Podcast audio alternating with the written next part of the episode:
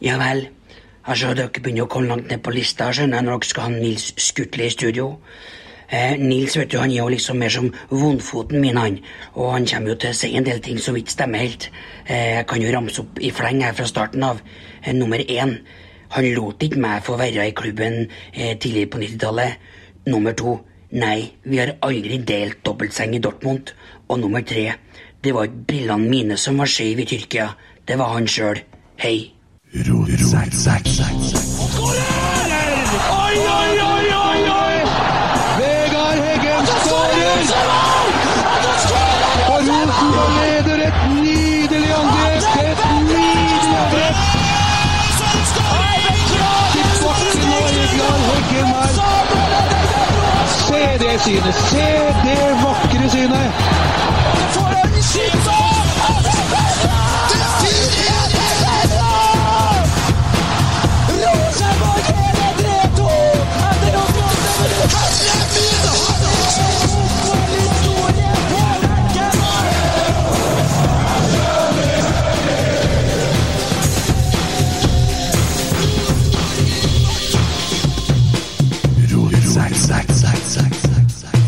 Hei, hei. Det er tirsdag, og det er tirsdags formiddag, og jeg har sovet dårlig og gir ankerrollen over til Emil. Vær så god.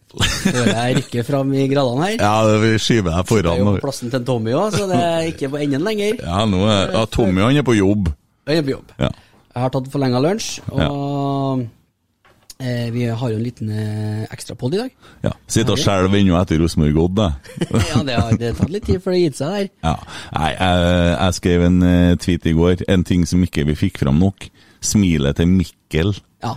når eh, broren skåra, og den gleden, og det rollen han gjorde i pausen, så du når hun gikk og Nei, du så ikke, jeg så det, for jeg satt der. Og gikk og kosa på guttene, snakka med motstandere, og bare litt sånn god, blid fyr. Jeg vet ikke om jeg sa det på sist podden, som er bare to dager siden, men vi klemmer inn mellom det to dager til neste podd. Vi rekker, vi podder, og vi podder. Vi, eh, ja.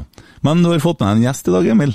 Ja, du, i anledning eh, storkampen Rosenborg-Barcelona eh, i helga, så tenkte vi at vi skulle eh, Vi må ha litt eh, fokus på det òg, og ikke minst RBK kvinner. Så i dag eh, kjører vi en, eh, en bonuspod som vi har promotert, eh, med ingen ringere enn Nils Skutle. Velkommen. Takk for det.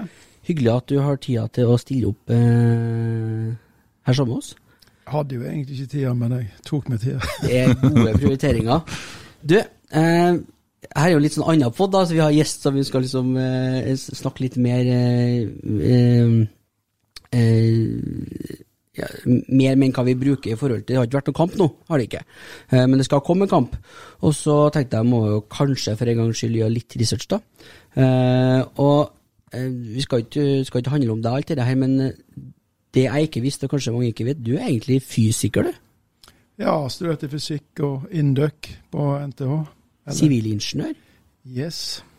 Hvordan ble veien fra fysikk til fotball?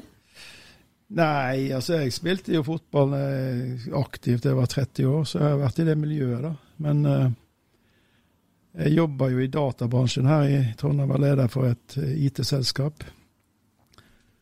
Og så var det den der saken i 92, da, når uh, styret måtte gå pga. en skattesak. Ja, det husker jeg godt. Det, det, og det tenkte jeg faktisk jeg hadde litt lyst til å snakke om, for at det er så mange som kritiserer styret og stell nå, men det har skjedd noen ting før i tida, når folk tror alt var bedre før. Men 92, var, det- var litt dramatisk. Ja, det var jo det. eh, Og eh, det var jo en eh, Hvem der som kom da, politiet. Så det var egentlig ganske dramatisk, det. Og jeg var vel sistemann på lista de fant, da, som eh, ikke hadde vært involvert i noe før. Altså. Så, jeg ble spurt om å, å bli eh, styreleder, da. Og så sa jeg nå ja til det. Det var jo egentlig Hadde ikke noen sånne langsiktige planer med det, men det, det ble jo eh, egentlig en veldig kjekk reise. Ja, for I 92, hva var, hva var Rosenborg da? Seriemester. Ja, kontra det som var Men hvis du hadde satt det i, i dagens sammenheng, er det som liksom Taver Nardo? Det som, eller, Nei, altså Var seriemester, tross alt, ja, det var ikke Nils Arne var jo seriemester i 85 etter å ha vært ganske mange år uten. Og så kom Nils Arne tilbake igjen i 88, etter at han har tatt Moss fra førstedivisjon til Eliteserien og vant den i 87. Så kom Nils Arne i 88. Mm. Og med forrykende fotball med Mini, Ørjan Berg, Kåre Ingebrigtsen, og, og, og vant eh, ligaen det året. Og så og ble dobbeltmester i 88 og i 90 og 92. Mm. Og eh, de var jo den klart beste klubben i, i de fem årene der, og hele den æraen starta jo da. Men så var det jo en sak der det hadde jo vært mye svarte penger og litt eh, litt rundhånda i fotballen generelt sett, uten at jeg vet så veldig mye om det. Men det er tydelig at det var den, den type. Altså det var ikke så profesjonelt som det er nå, da. Også. Det var en del mer uformelle avtaler som foregikk eh, på 80-tallet. Det, det, det ligger på YouTube en ganske det, det snakkes jo om her i en dokumentar. Eh, kan det være fra Rosenborg til San, eh, den derre Ja, den fra 2002. til San Siro, et eller annet Ja, der. Ja. Jeg tror det er der de snakker om noe, Der er han jo en styreleder nå, for han fikk det jo tøft. Ja, nei, altså alle de måtte jo gå, da. Det ble jo politianmeldelse, det, det finnes jo sikkert uh, skriverier om det. Så det, de måtte jo skifte ut hele styret, og da var det Måtte egentlig inn med folk som ikke hadde vært med før, da. Og da var jo jeg en av de. Jeg først spurte om å være styremedlem, til slutt så Så jeg husker jeg satt på årsmøte på Royal Garden, det var 400-500, og det var jo TV der. Jeg tenkte jeg, i all verdens navn og rike hva jeg holder på med, men det gikk. Ja. Hadde du en relasjon til Rosenborg eh, før det, annet enn en Altså, jeg, jeg, jeg spilte på Strinda jeg den gangen, og vi trente jo på Rosenborg, sant? så vi var jo her oppe og trente. og Bjørn Rime, som var i valgkomiteen, kjente for den tida han var trener på Freidi, og vi spilte mot de, så jeg ikke Det var sånn at jeg at, Og så hadde også firmaet jeg jobba i, vært ganske stor sponsor i noen år. Nordata den gangen. Så vi ja, hadde litt relasjoner der, da. Var med i finanskomiteen i 86, bare så vidt inn litt. Grann, en sånn Å ja, så du var litt eh, Ja. ja, jeg hadde vært med litt, grann, men det var bare en sånn gjeng med folk i næringslivet som hjalp til med å skaffe sponsorkroner, da, men det var jo på et ganske sånn amatørmessig nivå. Mm. Men jeg tenker på det, altså i 92 så blir du styre- styreleder. 93, ja, ja. januar 93. Ja. Og, eh, og vi har vunnet da, men fortsatt så var vi, jeg husker jo Var det i 94 vi var i, i Russland eller den plassen og tapte 5-0 borte i Europa og sånn? Vi var fortsatt en sånn Vi sleit litt. Vi tapte 5-0 mot Mekjelen i 89, og tapte 5-1 mot eh, Odessa, tror jeg, i 91 eller 92. 91, kanskje. Ja, kanskje det var det?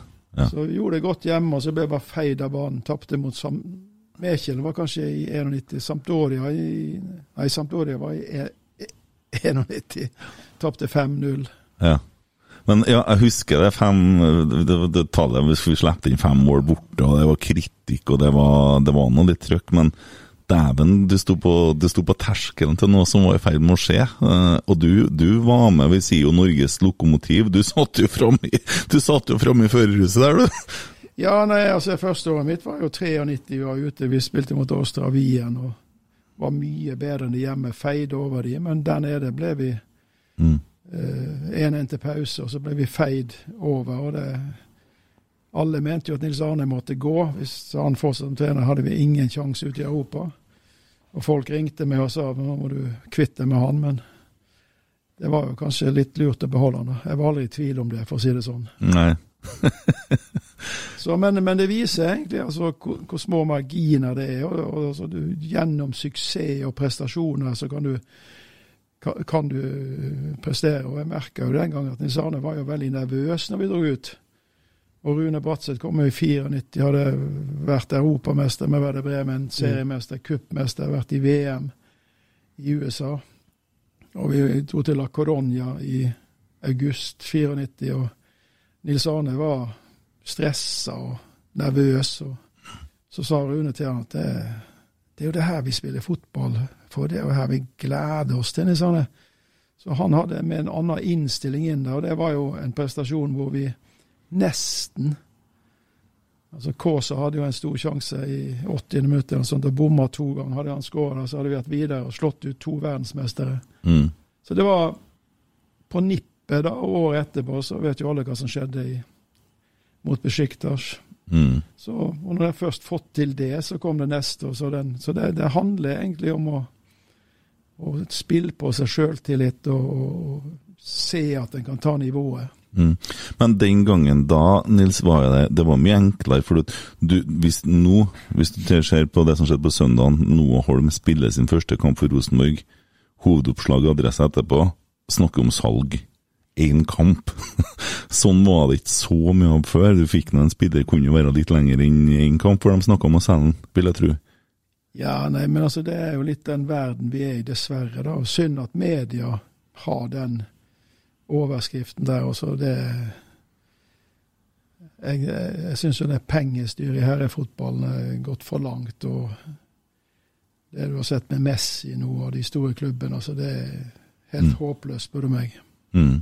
Vi, vi, vi har jo en sånn uh, egen misjon her om å snakke ned spillere på engelsk, for vi turer at utenlandsk media fanger opp det vi snakker om, så vi prøver å snakke ned spillerne våre, uh, Mm. så de ikke selges for tidlig, i hvert fall. Det er ganske, ganske viktig for oss. Noah Holm is a selfish uh, Ja. bastard. Don't look at him. Yeah. Very, very bad player. ja. Ja, men altså, den gangen på 90-tallet, når vi Altså, vi var jo i 99, så var jo vi eh, Altså poengmessig i Europa så var vi topp ti, altså i forhold til prestasjon. Ja. Og det var jo med spillere herifra som hadde fått vært der lenge, sant, og som var her. Og jeg tenker hvis du kunne gjenskape det nå, altså hvorfor skal de ut så fort? Altså det Hvis de drar ut så fort, så har vi ingen mulighet. Det, det er så mye gode spillere og så mye penger andre plasser. Mm. Så det eneste muligheten er at du kan beholde de, at du kan bygge et lag. Mm.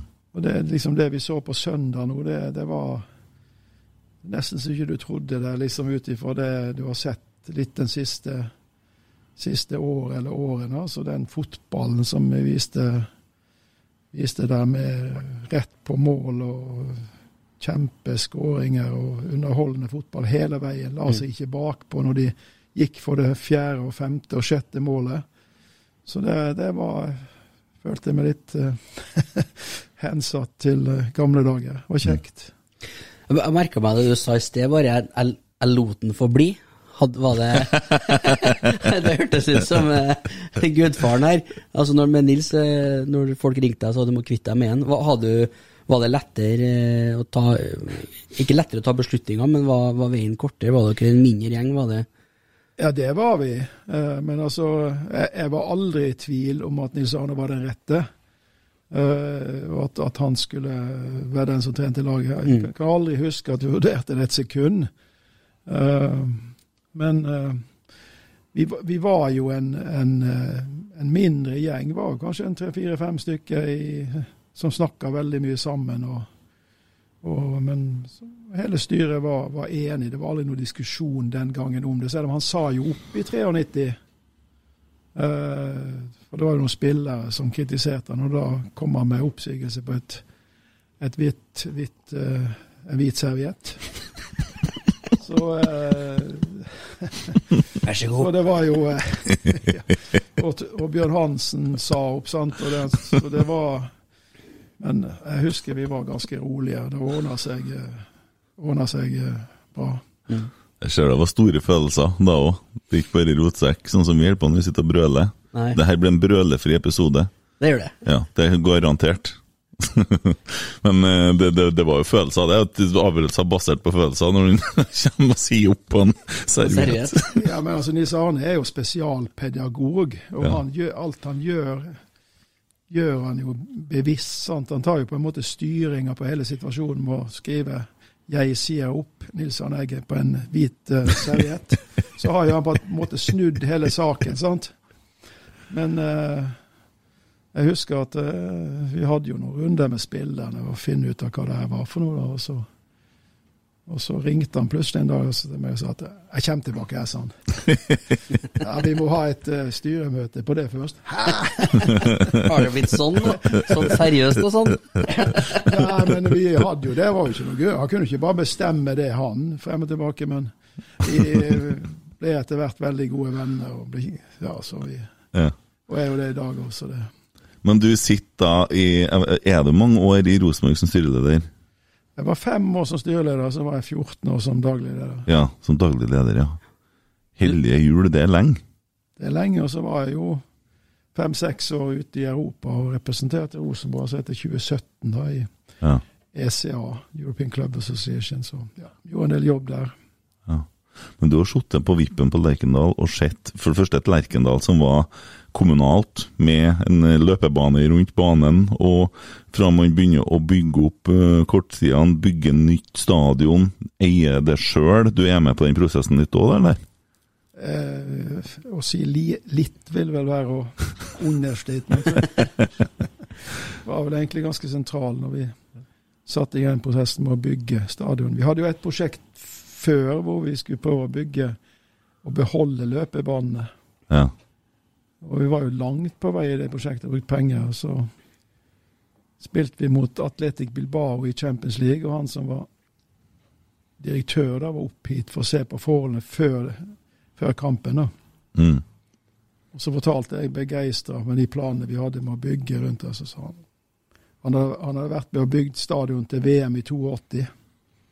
Så han glem det. Sånn vekk med den og gjør det og det og det. Og Mm. bestemte vi oss noen dager etterpå at det la vi alltid i ei skuff, og så bygde vi den stadion som er der nå.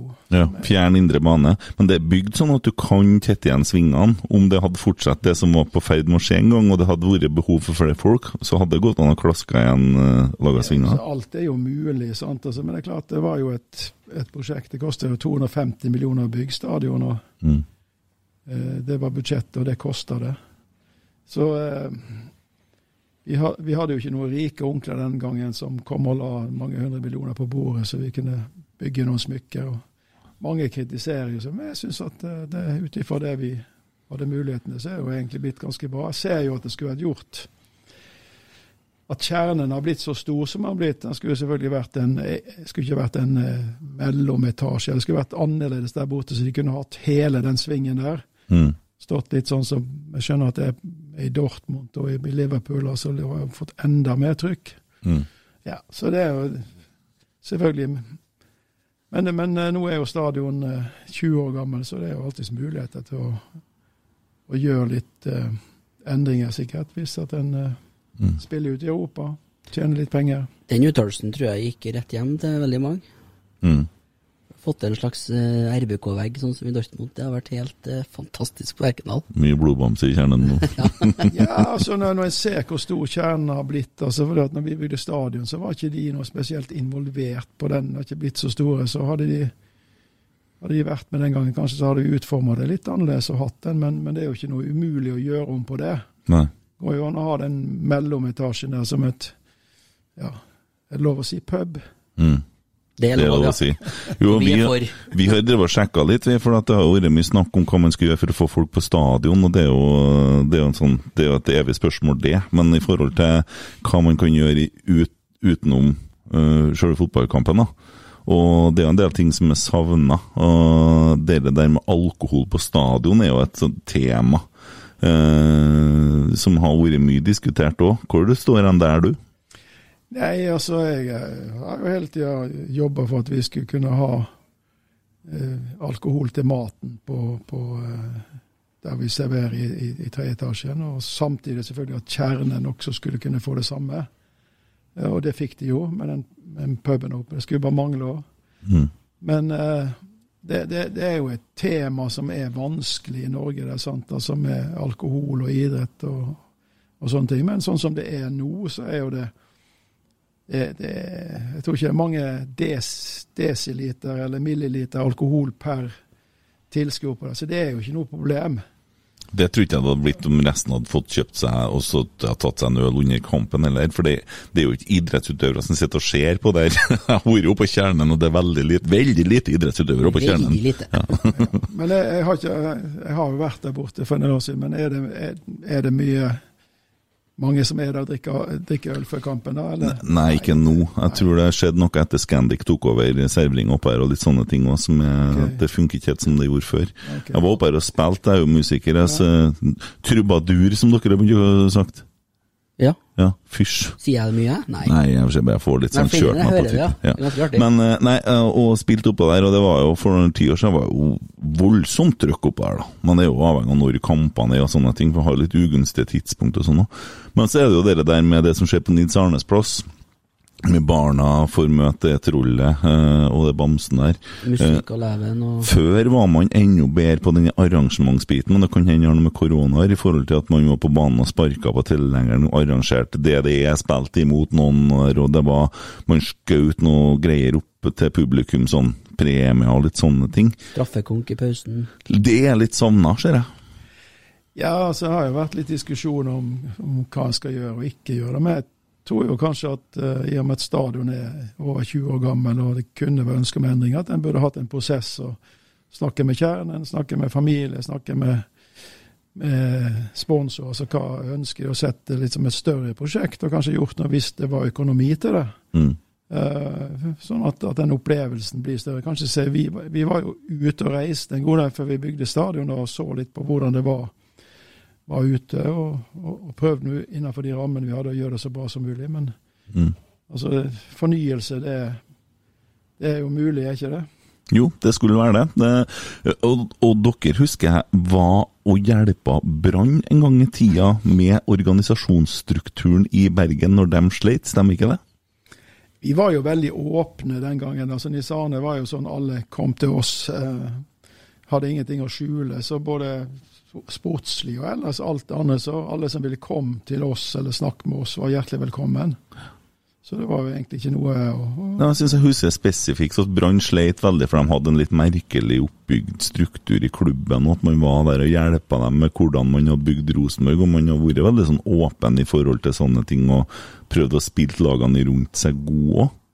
Jeg Jeg husker jeg har veldig god dialog med brannfolkene, men, eh, men eh, vi, vi var åpne og stilte opp til alle sammen som ville komme og besøke oss. Og, Mm. og det er de vel enda den dag i dag, eh, regner jeg med. Ja. Du, vi kunne jo sittet og snakka mange timer, vi, tror jeg. Uh, Får vi noen Champions League-minner? Kan jeg skulle dra oss dit nå. Ja, ja. Er, er, det, er det noe du husker på? Da tenker ikke jeg nødvendigvis på den festen etter uh, miraklet på San Siro, men er det noe annet du husker på som ikke er delt så mye Som har vært med på hele turen? Tja, Eller hvordan er det å være med på den turen der? Jeg eh, tror jeg kan gjengi alle kampene i kronologisk rekkefølge. Fordi at det var noe rundt i hele veien. Men eh, nei, altså det er klart Dortmund eh, var jo en opplevelse. Og så altså, Vi lå oppe i dobbeltsenga til Nisano og så kampen en gang til. Det der, ja. Oi! Han måtte, han måtte se kampen en gang til. og Delte litt sånn et sånn brun drikke som fins på noen sånne flasker. Jeg husker ikke, jeg husker ikke hva det heter. Og, eh, nei, men altså, det var den og ja, jeg, jeg kunne fortalt mye, men jeg kan ikke fortelle alt heller. Så det Noe skal han ta med seg videre sjøl, ja. Kim Ruud Pedersen har fortalt litt òg. ja. Det var noen Nei, det visa, var- det var- visakort på vei en gang. ja, Nei, det var ikke noe mye sånn Det var, var ikke noe mye gærlig. og det, Men altså, var i, var i Madrid og Ja. Mye artige historier, egentlig. sånn og, og Men eh, første kveld, altså når vi vant første gangen i Istanbul, det er jo en, en opplevelse. Og han er med Bosporus-stedet etter kampen. og Mm. Nisane tåler jo ikke så mye, så etter én øl så sto jo brillene på skeiven. Og skravla gikk sikkert. Og han, er min sønn nummer to jeg sa nå må du gå på rommet og legge deg. Eller gå opp til Fredrik, og de har spilt kort med de. De drakk jo bare Coca-Cola. Nei. nei, jeg vil ikke gå, pappa. Det er så artig å se på Nils Arne, sa. Så det var, var gode, gode minner, ja. Men du har altså vært da Det blir jo ikke feil å si at du har vært inn i Rosenborg i 30 år? 87 Ja. 87 til 2017 ca. Eh, Ja. Men du er det jo ennå? Ja, nå er jeg jo i styret i Rosenborg Kvinner, så jeg er jo, føler jo at det har vært over 30 år. Ja. Du sitter jo som styreleder for Rosenborg Kvinner. Når Ikke eh, styreleder, sitter i styret. sitter- Beklager. Ja, sitter i styret. Når, eh, når gikk du inn der? Var det når uh, sammenslåinga var et faktum, eller var det Eh, det var vel etter sammenslåinga, altså den var vel i februar-mars i 20, 2019, var det korona kom, eller var det 2020? Nei, 2020. Ett og et halvt år siden. 2020, ja. Ja. Men Alexander Larsen er jo litt innpå, vi har fått inn noen spørsmål. Vi har, vært, vi har jo stilt dem litt sånn gradvis her òg. Men øh, hvordan det å bli med, og motivasjonen din for å bidra for damene etter alt det du har vært med på fram til nå? ja. Ja, altså Motivasjonen min er mye større for det enn å skulle gjort noe mer for herrene. Altså, sånn, for jeg føler på en måte at Der har du vært med, du har gjort og oppnådd alt du kan oppnå. Mm. Så jeg, jeg gikk og trente ut på Osmo-klinikken, og sånn snakka jeg en del med de folkene ute. Og så spurte de meg plutselig en gang i mars eller noe sånt i fjor da, om jeg kunne tenke meg inn i styret. Og da var vel det egentlig ikke noe som jeg liksom sånn tenkte ja. liksom det, Jeg var med på nei-sida. Mm. var ganske mye annet å gjøre. Eh, Men etter å ha tenkt litt om og snakka litt med folk i Osmo, så endte det opp med at jeg sa ja til det. Og motivasjonen min er jo at jeg ser litt av det samme som eh, vi hadde på 90-tallet. Altså vi har en, etter min mening veldig god trener, godt sportslig apparat, og en del gode spillere eh, i laget. Um, og det første kneppet er liksom med å komme opp i toppen av Norge, det, det gjorde vi jo i fjor. Men hele tanken her er jo at vi skal eh, ut i Europa på samme måte som, som Rosenborg eh, gjorde. Og um, Så jeg tror jo at det er fullt mulig, og jeg tror at det er mulig å skaffe seg et inntektsgrunnlag som gjør at eh, det er godt nok til å gjøre det de skal. Trenger ikke å lene seg på, på, på Rosenborg, selv om det er klart tre av de spillerne vi fikk i fjor, hadde vel neppe kommet hvis ikke det var Rosenborg. Mm. Um, og um, så, så, så det gjorde jo at vi, vi, eh, vi ble nummer to, eh, altså var i toppen. Og så er det klart vi har fått en god, god hjelp på markedssida, altså med Sparebanken som kom inn i en større avtale nå i år, Mm. som har vært, eh, vært god hjelp for, for Rosenborg. Men jeg tror at det er potensialet for å øke inntektene mye, mye mer. Jeg. Eh, Men du må tenke på en, en ny måte. Den, altså den forretningsmodellen som fotballklubber har i dag, den ble skapt i, på 90-tallet. Altså hele businessmodellen. Og i dag så Alle vet vi at smarttelefonen kom ikke i 1990, den kom i 2007, og alt det her har endra seg. Mm. Så det er ikke sikkert at det er den type altså Du skal ha en stor stadion, du skal ha VIP, du skal ha fans, du skal ha fans. Kanskje er det på konsumeres fotballen på en helt annen måte. Den konsumeres ikke i to ganger 45 minutter av alle. Det er noen sånne ihuger som gjør det. Mm. Men, men det konsumeres på en helt annen måte, og det gir et helt annet inntektsgrunnlag.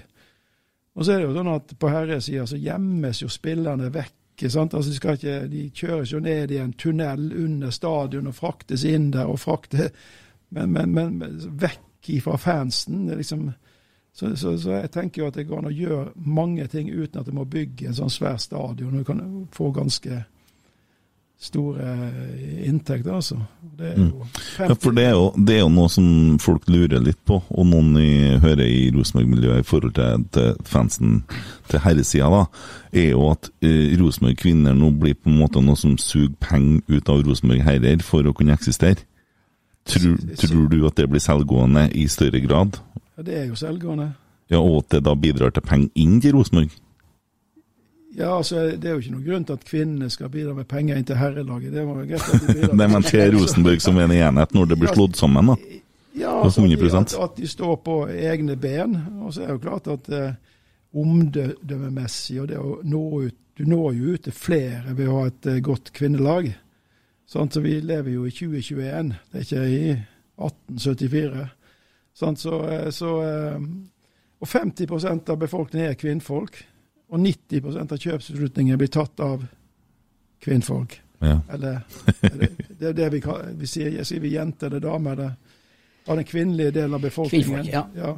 tar jo i de kjøpsbeslutningene som får brands, altså sponsorer, så når de jo mye mer av kjøpsbeslutningen Mm. via kan nå det via oss. Det er massevis av muligheter. Det var å utnytte teknologien. Gode ord her nå, syns jeg. Det er på et annet nivå enn hva vi tenker når vi tenker over bare damer. Nei, jeg har og tenkt det allerede. Jeg har alt det jo Det er du. Ne? Men du kan jo bare se i sosiale medier. sant? Og så har jo herreklubben har en 400 000-500 000 følgere. Mm. Og damer, litt spesielt pga. én spiller, har over to millioner. Det er såpass, ja. Det er såpass, ja. Det ble stilt. Så, Ja, det ble stilt her, Det da. ble stilt nå. Det så, så, så, så det er jo Så jeg er jo opptatt av, av å sette på ressurser til å, til å Altså det kommersielle konseptet, og så endre det i tråd med altså teknologien og mulighetene. Og det gjør at det er store muligheter med disse lokale spillerne som er flotte eh, frontfigurer som er de, de før barn, eh, og et halvt år etterpå så spiller de på laget, og så er de sivilingeniører samtidig. og så er det, altså det, det, det er altså virkelig foregangsbilder hvor det er fokus på trening og kosthold og, og, det, og det å bli best mulig. Så eh, jeg syns det har, vært kjempekjekt å, å jobbe med, altså. Mm. Og det gir meg eh, nå er jeg selvfølgelig så, Når vi blir slått ut av Levante, så blir jeg jo sur et døgn, men det går jo over, det òg. Ja, for det har nettopp vært, eh, vært eh, Champions League-kvalik.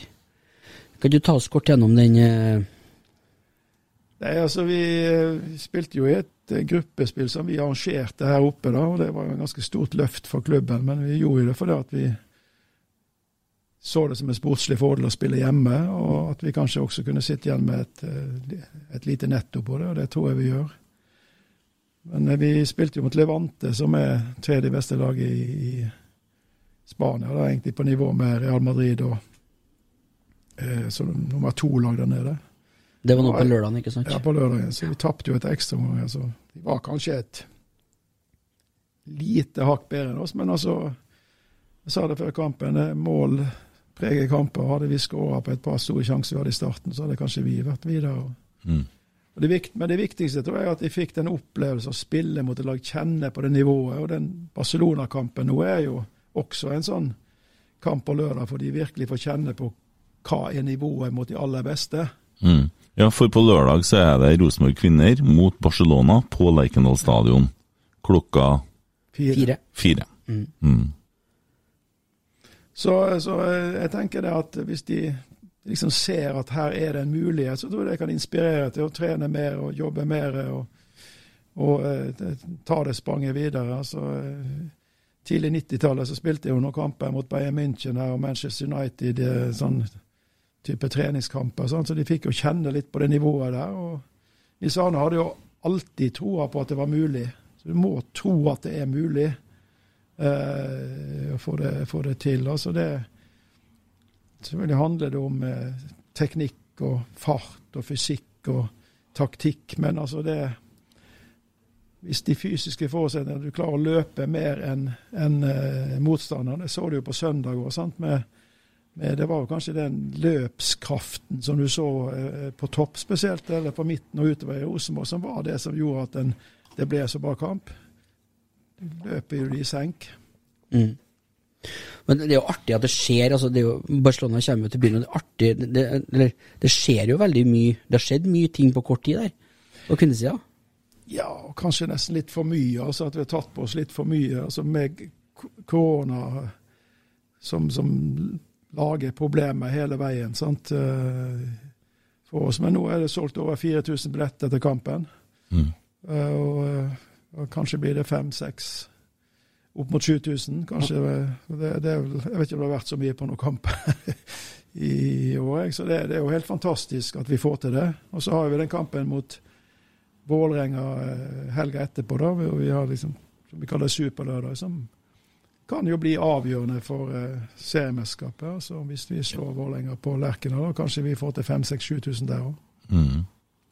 For det er jo Eh, det, I serien, da. Man røyk på et tap der mot Sandviken, og, som nå leder serien med 31 poeng. Ja, fire poeng foran. Ja. Og 27 poeng har Rosenborg. Så det er jo tight i toppen der òg. Ja, det er jo det. Og nå har jo de Lillestrøm og Vålerenga borte, og vi har de to lagene hjemme. Så, ehm, så det er jo absolutt eh, muligheter der. Og det er klart det er enklere å kvalifisere seg til Champions League hvis du er nummer én enn nummer to. Mm. Så eh, har masse å spille for. Og klart, det å spille for eh, 5000-7000 er jo en, eh, en øvelse og treningssak, det. Og så er det jo, det er jo ikke til å legge skjul på at, eh, at det vil ha hjulpet veldig bra på budsjettet vårt, og at, at, at det kommer folk som er støtte, og samtidig se Jeg syns det er veldig kjekt å se på kampen, jeg. Eh, De er gode til mange ting. Det er klart De springer ikke så fort som, som mennene, men jeg syns det er kjempekjekt å se på. Jeg var på kamp her litt uh, før sommeren. Jeg skal innrømme at jeg ble overraska over eh, det tekniske. Ja. Uh, det var mye kjappere enn jeg trodde. Og så var jeg overraska over den ikke Hvor godt trent de var, eller hvor, altså, hvor mye de ønska det. Det var, det var innbitt at her ønsker vi å spille ball, vi ønsker å vinne, og så var det så tydelig hva de prøvde på. Så det var, det var skikkelig koselig på Kotteng Arena eh, på, her før, eh, før sommeren. Også. Og det, det er blitt spennende å følge med på. Ja, nei, altså jeg syns at det nivået der er, er, er kjempebra. Du ser bevegelsesmønster, og at de vil ha ballen og de vil spille. Det er liksom ikke bare lemping og, og sånne ting. Så, eh, og det Nå får de nå sett litt mot Levante, fikk de se nivået der. Nå får de mot Barcelona, som er best i verden. Mm. Og Så eh, får jeg bare satse på at det blir Champions League, det er jo målet. Men, men Nils Arne brukte jo sju år fra 88 til 95, så Mm. hvis vi bruker tre eller fire, så må jo det være bra. Halve tida. Men hva er målet, da? Er det kjøp- og selgklubb, eller er det Er det å etablere seg i toppen? Altså, jeg syns jo at altså, På slutten av 90-tallet, når vi spilte i Champions League, år, så var jo stort sett de samme spillerne hele tida. De tjente bra med penger, de tok seg utdannelse, de hadde det trygt og godt her. Eh, hvorfor skal de dra ut, da? Altså, I Premier League nå, som liksom alle drømmer om fra de er ti år, så er det 660 spillere som tjener 35-40 millioner i snitt. En tredjedel av de er enten al alkoholproblemer, spillproblemer, psykiske problemer eller andre problemer. Men når vi i samfunnet hadde en tredjedel som hadde den type problemer, det er jo noe fullstendig gærlig. Og ikke folk skjønner det. det, det så, så jeg må jo jobbe imot, eh, imot det. Hvorfor, hvis du spiller Julie Blakstad, eksempel, du går på Induc, kjempeflink på skolen. Altså Hvis hun spiller, hun kan spille i to, tre, fire, fem år, så kan hun gå til Barcelona da og spille der et par år. Men hun skal ikke leve av det resten av livet. Hun skal jo gjøre noe annet. Altså, er det du som sier det, eller er det, bør de gjøre det? For det er jo det er en 20-åring, det kan jo være fristende å Ja, det jeg Når tilbudet sier- er- står der. Det er jeg som sier ja, det, det, Jeg snakker ikke for noen andre, jeg snakker Nei. for meg sjøl. Og det For det er jo fornuftig Det- det du sier, jeg er jo helt enig, men det er jo de fristelsene om Men det, der, er der Jeg har jo en kompis i Bergen, Klaus Lundekvam, eh, og vi har jobba litt i lag i Mental Helse og sånn. Og det er jo et eller annet som skjer med hodet til en person når det spotlyset slås av, og fokuset som har blitt med alt det andre du snakker om med sosiale medier, med alt det er et veldig større trøkk. Og så er det jo eh, det som skjer da den dagen eh, man slår av det spotlyset, da. Det, det er noen som blir sjuk, da. Ja, han er jo et godt eksempel på akkurat det når det lyset slås av. Ja. sant? Altså det, eh, og, og, og, hva er penger? Det å ha stadig mer penger. Altså Hvis du har nok, skal, hva skal til for at du skal ha et godt liv? Mm. Altså Er det en overflod av penger som du må sitte og passe på? Eller hvis du har nok, du har et hus, du har en jobb, du har venner, du har familie.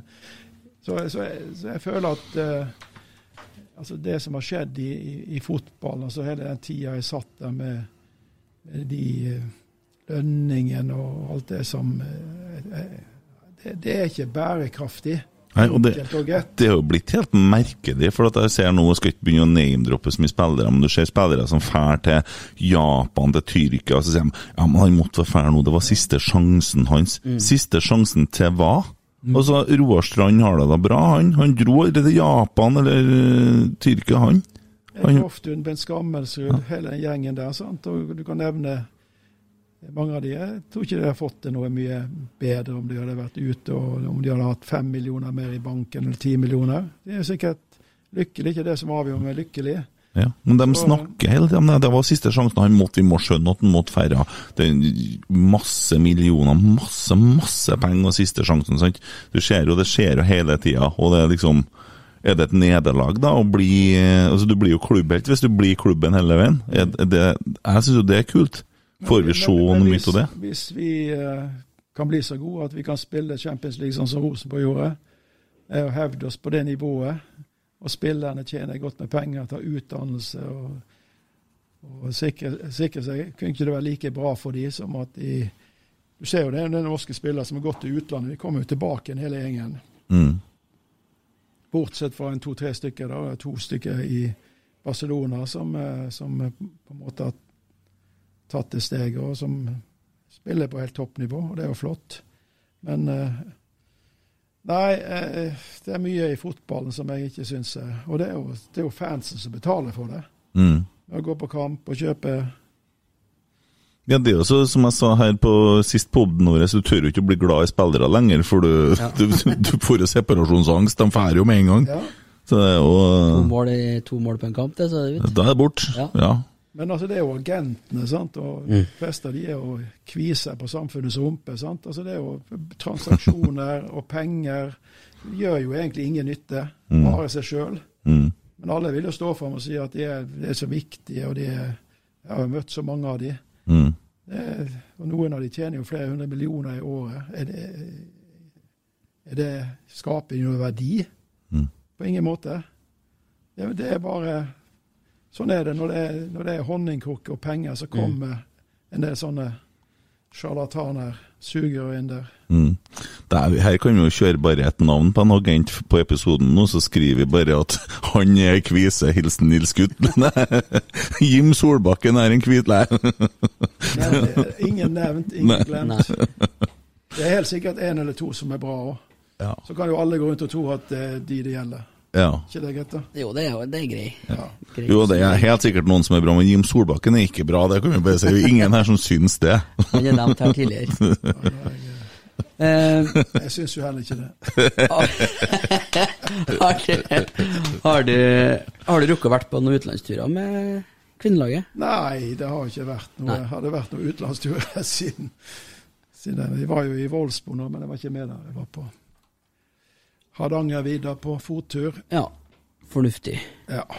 Har du rukket å fått noen forståelse for hvor det ligger i utlandet? da? Altså interesse og, og Jeg syns jeg lest mye om store klubber hele tida. Barcelona, Real Madrid, ManU, PSG. At det satses og satses og ja, men det gjør det jo hele veien. altså Det er jo de store satser. Så han, presidenten i Olympic Lyon var jo en foregangsmann, Jean-Michel Aulas. Og jeg satt jo i styret i ECA sammen med han, og jeg har møtt han flere ganger. sant? Så de, han starta jo, så har jo alle de andre kommet etter Chelsea, Arsenal, Barcelona, Real Madrid. Har de mye publikum på en sånn kamp i, i f.eks. Frankrike eller England? På Jeg tror kanskje at de har en sånn 2000-5000 eh, i snitt, disse klubbene. Men eh, altså Atletico Madrid spilte jo på sin stadion i Madrid og hadde 64 000 i en kamp mot, uh, mot Om det var mot Barcelona eller et annet lag for et par år siden. Ja. Så, uh, og det har jo vært i England så har det vært landskamper med 50 000 på. Og vi har jo faktisk ei dame her i, i, i byen som uh, eh, dro opp hele den eh, superliga i England og jobba i det engelske forbundet. Så det finnes massevis av kunnskap og kompetanse her Mm. som vi kan benytte, og som vi benytter oss av. da. Så eh, jeg tror det er kjempemuligheter. Bare ikke det er, litt, det er litt for mye å gjøre for dem, så vi må få summa oss litt nå. Eh, eh, du er jo i styret i Rosenborg Kvinner. Her blir jo fusjonert til ett styre til slutt. Det er jo det som er planen, ja. Ja. Eh, du har jo stått på sidelinja siden 2017 og sett litt i det andre styret. Det må nå ha klødd litt i rockefoten. Det har jo sett litt Det har vært litt Texas. Klart at jeg har jo synspunkter på, på det som foregår der, ut ifra det jeg vet, da, men altså det hvis, hvis, jeg skal uh, være til hjelp eller si noe, så må jeg ta det direkte med de det gjelder. og De må si at OK, det vil vi høre på. Det å gå ut i avisa og begynne å kritisere det, Mm. jeg tror ikke jeg gagner noen ting. Men jeg snakker jo med, med Ivar ganske ofte, og jeg er jo på kamp eh, egentlig så ofte. Sånn I forhold til korona har det vært litt mindre nå, da. Skal på kamp på torsdag, så men, men det er jo sånn når du har vært med i 19-20 år, så føler du på en måte at du har opplevd alt. Og liksom det blir på en måte en skulle Hørt det før, sett det før. ja, altså du må slippe til ungdommen, for å si det sånn. da. Kan, eh, altså det, for at det skal gå videre. Men Mm. jeg føler kanskje at inne i kvinnestyret så, så hadde jeg følt at jeg kunne ha bidratt eh, litt fra et annet start, startpunkt. Og så syns jeg det har vært en veldig kjekk gjeng å jobbe med. Bra miks på kjønn og kunnskap og kompetanse og litt glimt i øyet og humør og Mm. sånne ting som jeg syns er viktig. Hvis ikke du kan le en del og, altså det, det er kort vei fra alvor til skjemt. Så er det jo, er det jo en del alvor òg. Mm. Og det Så, så jeg føler jeg føler jeg nå gjør jeg en jobb i fjor i år og på en måte trekk det inn til en forhåpentligvis en fornuftig fusjon. Det som jeg syns er viktig, eller håper er viktig, at damelaget har en, en selvstendig posisjon og på en måte har folk som kan jobbe internasjonalt, være med internasjonalt og følge med på det som foregår, så ikke det blir et underbruk. For jentene klarer seg utmerket godt sjøl, også inntektsmessig og businessmessig. Det er ikke noe tvil om. Men sammen, en kan gjøre mange ting sammen av synergier, og det gjør en jo allerede. Økonomi og litt på marked, så de, de som var på årsmøtet og som hadde en sånn kampanje og skulle gå imot det altså Jeg skjønner ikke det, hvor dum det går an å være jeg, Mm. i 2020. Gikk opp og skulle liksom kjøre en sånn kampanje og liksom gå imot det. Hvor, hvor er det hvilke, hvilke folk er det? Lever de i, ute i, i samfunnet vårt, eller sitter de på et eller annet gutterom, eller hva de holder på med? Mm. Så virkelighetsfjern. Ja, vi har jo hatt noe tema vi i denne poden i forhold til det som vi kaller nettroll. Og det at det har kommet med tida, eh, med at alle får en stemme, og de kan operere under falske navn, eller, altså, og det menes, og det skytes jo fra hofta så det gjør noe med da. Eh, helt annen tid å stå i nå enn hva det var for bare 20 år siden. Etter uh, Hadde jeg sagt så mye dumt som de sier, så ville jeg hatt falskt navn, jeg òg. Ja. Nei, det, det Altså, etter at vi begynte med denne her poden her for et år siden nå, så har jeg jo fått mer og mer og mer innsikt i ting. Det forbauser meg jo egentlig over alle her gruppene i gruppene som prøver å få Og det er jo noe, altså. Eh, for å ta diskusjonen litt, eh, så ikke går direkte på dere, for jeg orker ikke styrelsen bli etterpå, men eh, bare sånn som når det ble foreslått en ny styreleder i Rosenborg, så går guttene på Frøya, vindmøllemotstanderne, og plutselig dagen før dere der fristen på medlemstall, altså, som får stemmerett, så er det 300 nye medlemmer i Rosenborg fra Frøya, og de møter opp på benke osv. osv. Det er jo litt sånn, og det er jo klart, det er jo en medlemsklubb, og ja. Men altså, jeg tror det at, for å være litt uh, saklig, da, altså det, det at de spisser det sånn, og de er liksom bak et, et uh, pseudonym uh, altså, Hvorfor ikke det komme opp? Det, det er helt sikkert noen ting de sier som er fornuftig. Mm. Men hvis det, hvis, hvis det skytes og blir gjort på den måten, så blir en jo ikke mottakelig for det. Altså nå er det For utvikling så er du helt avhengig av at du, får, at du kan få konstruktiv kritikk, og at du kan høre på andre. Hvis, hvis alle er enige, så kommer du ingen vei. Så jeg vil oppfordre de til å ta vekk det der pseudonymet, si hvem de er, og, og, og, og, og, og kanskje fokusere mer på de kanskje fornuftige tingene, istedenfor å karakterisere folk som idioter og alt det. Det kommer jo ingenting Du gidder jo ikke å høre på dem. Det er helt sikkert noen ting de sier som er fornuftige. Ja, jeg tror at framtida er der at hvis du skal delta i offentlige debatter eh, på sosiale medier, så må du logge inn med bank-ID og bruke ditt eget navn. Jeg tror det er det som kommer til å ende med, fordi at det er så mye skit som foregår. da. Og det går direkte på personer, ikke sant. Altså, det, det, det sitter jo folk og, og Ja, altså. Ja, det, Nei, men, men, men altså, det, det, det er på en måte en oppfordring. sant? Altså, for Jeg ser jo det gjennom altså, mange ganger. altså Jeg tenkte at vi skal gjøre det, og det var det rette. Og så kommer noen og sier det, det er du det er helt feil, og så oppdager du at det var feil. Altså, men, altså, du, Hvordan kan én person eller tre personer alltid sitte og ha rett? Du altså, kan ikke komme etterpå og si 'hva sa vi'? Altså, Det må komme inn i den diskusjonen på fornuftig måte. Så det blir, eh, og det, det blir det utvikling av. mm. Ikke kall folk idioter. Det, det da, da kaller du bare de idiot tilbake igjen. Mm. Er ikke sånn, da? Jo, det er jo det. Det starter jo kriger. Nei, men sånne ting starter jo Altså, eh, det, det starter jo det, det er jo negativ energi, og jeg ser jo det at eh, vi har jo hatt noen her som blir kalt kunstig positiv. Eh, Fordi at vi har prøvd å prøvd å framsnakke Rosenborg, prøve å framsnakke produktet. For at jeg tror at sånn som vi gjør her nå, snakker produktet Rosenborg kvinner, prøve å framsnakke det. Man kunne jo alltid så funnet masse feil, og så kunne man jo fokusert kun utelukkende på det som er galt med det. Det har ikke kommet noen flere folk på kamp da, og vi ønsker jo folk på kamp. Vi ønsker jo positivt engasjement. Vi ønsker jo, vi ønsker jo all, alt godt, og spesielt da Rosenborg, som vi brenner for.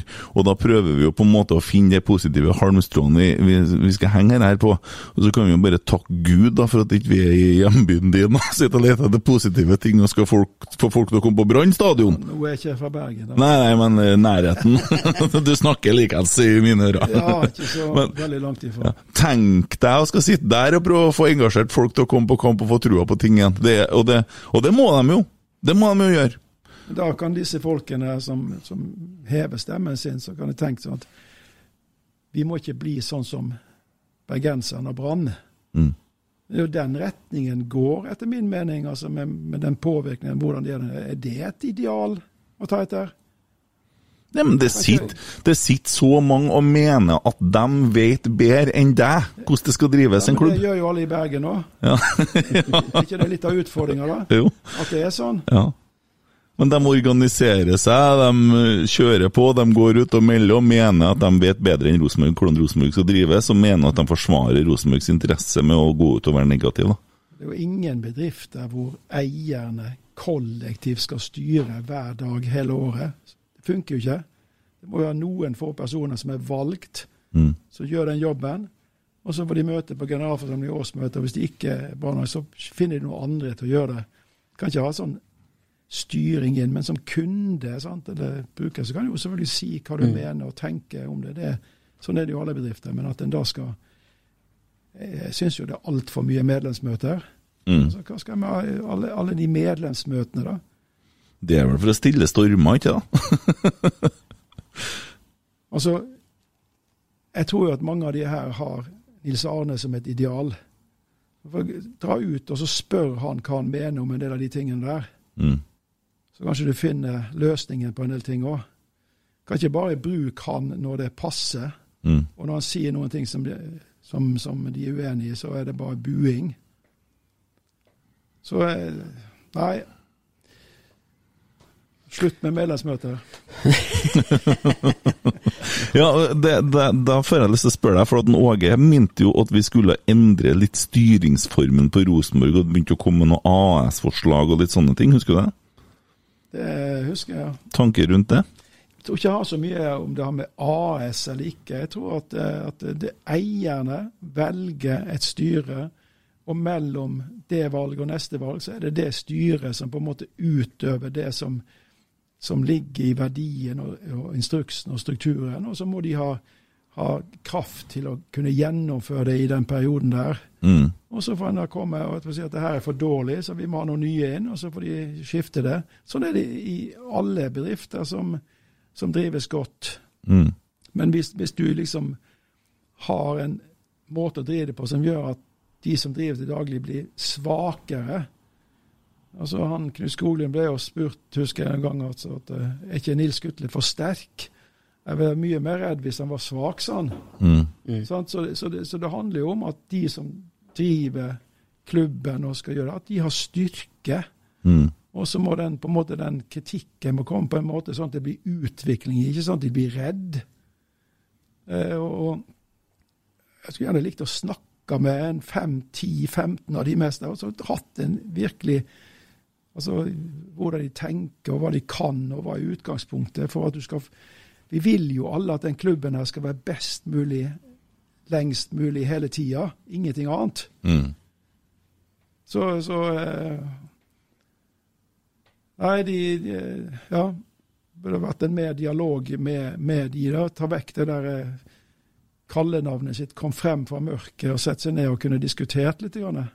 Altså, det her blir fasit for meg, altså. Det gjør det. Ja, jeg er helt enig, men jeg, Det største problemet er det pseudonymene og liksom Mm. For vi vil jo det samme. Ja. Men en, en ting som er oppi her, her da, som jeg må bare føle jeg må si, det er jo at jeg, jeg er så stolt av at vi er en medlemsklubb, at vi er en medlemseid klubb, for å si det sånn. Altså at vi er, har den styringsmodellen, at vi er sånn som vi er. da. Det, det, det syns jeg er veldig fint. At det ikke sitter en røkke her og spytter inn penger, og det er tomme tribuner, og, og, og det er bloddoping nei, med pe- penger, da. Altså Sånn som dere der, da.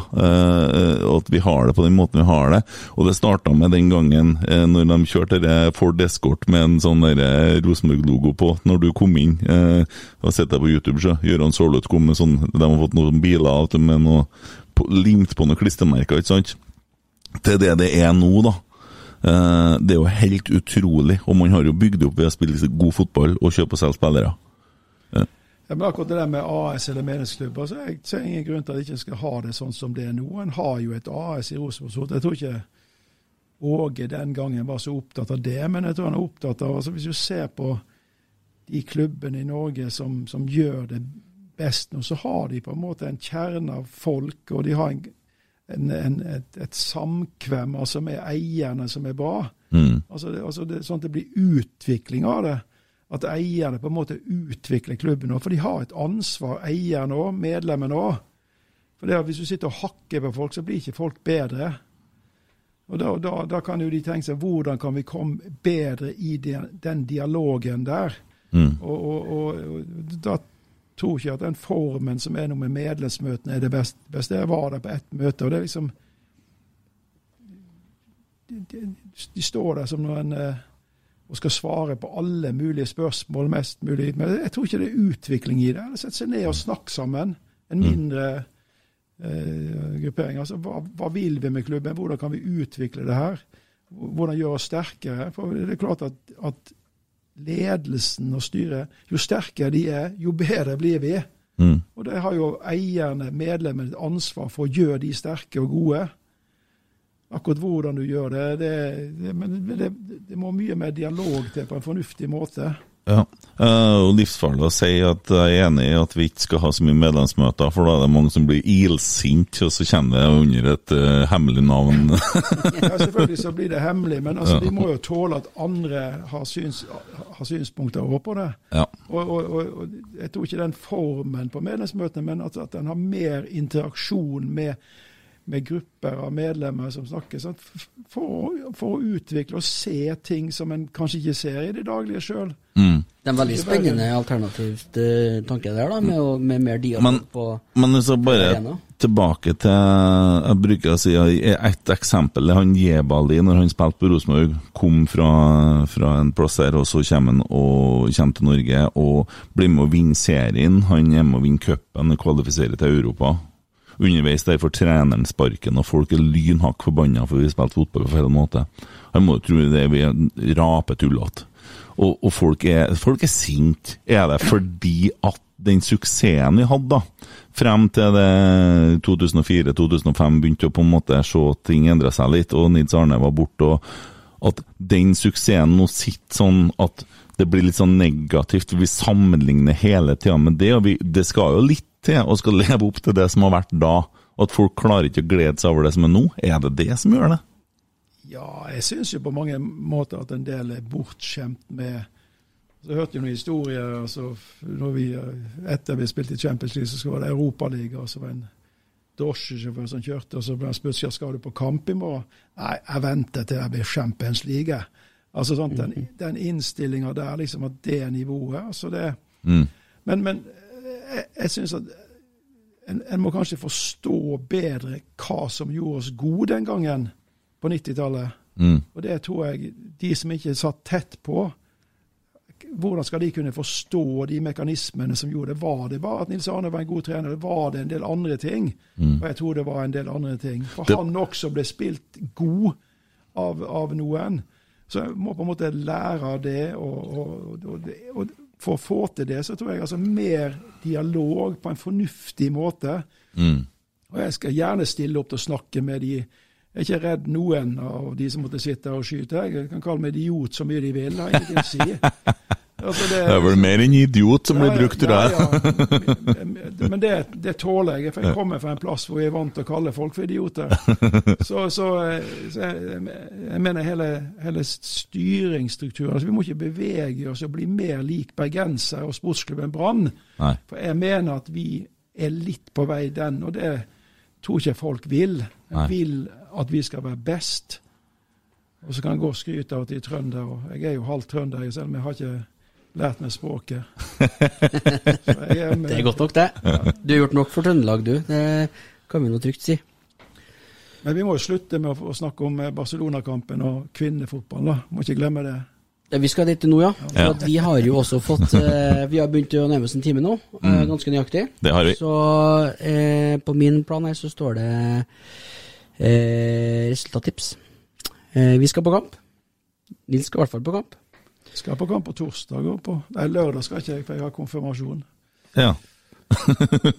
Nå må du huske på at vi skal snakke om eh, Barcelona. Ja, ja. Eh, lørdag klokka fire. RBK kvinner Barcelona på Lerkendal. Resultat, tips. Nei, Jeg må være så ærlig og si at jeg, at jeg tror det blir vanskelig å slå dem, så jeg tipper kanskje 1-3. Nøkternt. 2-2. 2-2. Ja. Mm, jeg har trua på hjemmeseier og 2-1. RBK generelt er i vind om dagen, og det skal vi ta med oss.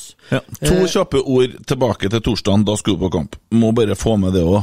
Har du trua på at vi klarer å slå inn Vi ligger under 2-0. På lørdag så hadde jeg ikke troa på det, men på søndag kveld så, så eh, tenkte jeg faktisk at det, det er mulig. Og, og eh, altså, med den, liksom, den styrken og den kraften som de viste der, så, så tror jeg det, det absolutt er mulig. Men det handler jo i altså, Mål preger kamper, og, sant? og får vi et mål relativt tidlig, så vil jo de bli shaky. Sant? Og nå er jo ikke den borteregelen eh, er jo vekke. Sant? Så det, ja, det tror jeg er mulig. Mm. Jeg tror vi klarer det. Ja, jeg er enig. Jeg har trua. Bare så Og det er sagt. det gledes. Mm. Eh, vi har også fått uh, to billetter som vi skal um, gi ut. Der kommer vi Ja. til å kjøre noe greier på sosiale medier. Ja, to billetter til Eh, Barcelona-Rosenborg. Ja. Lørdag klokka fire. Ja, klokka fire. Ja. Eh, så følg med der. Da tror jeg vi har kommet ja, Hvordan skal vi lodde ut dem, da?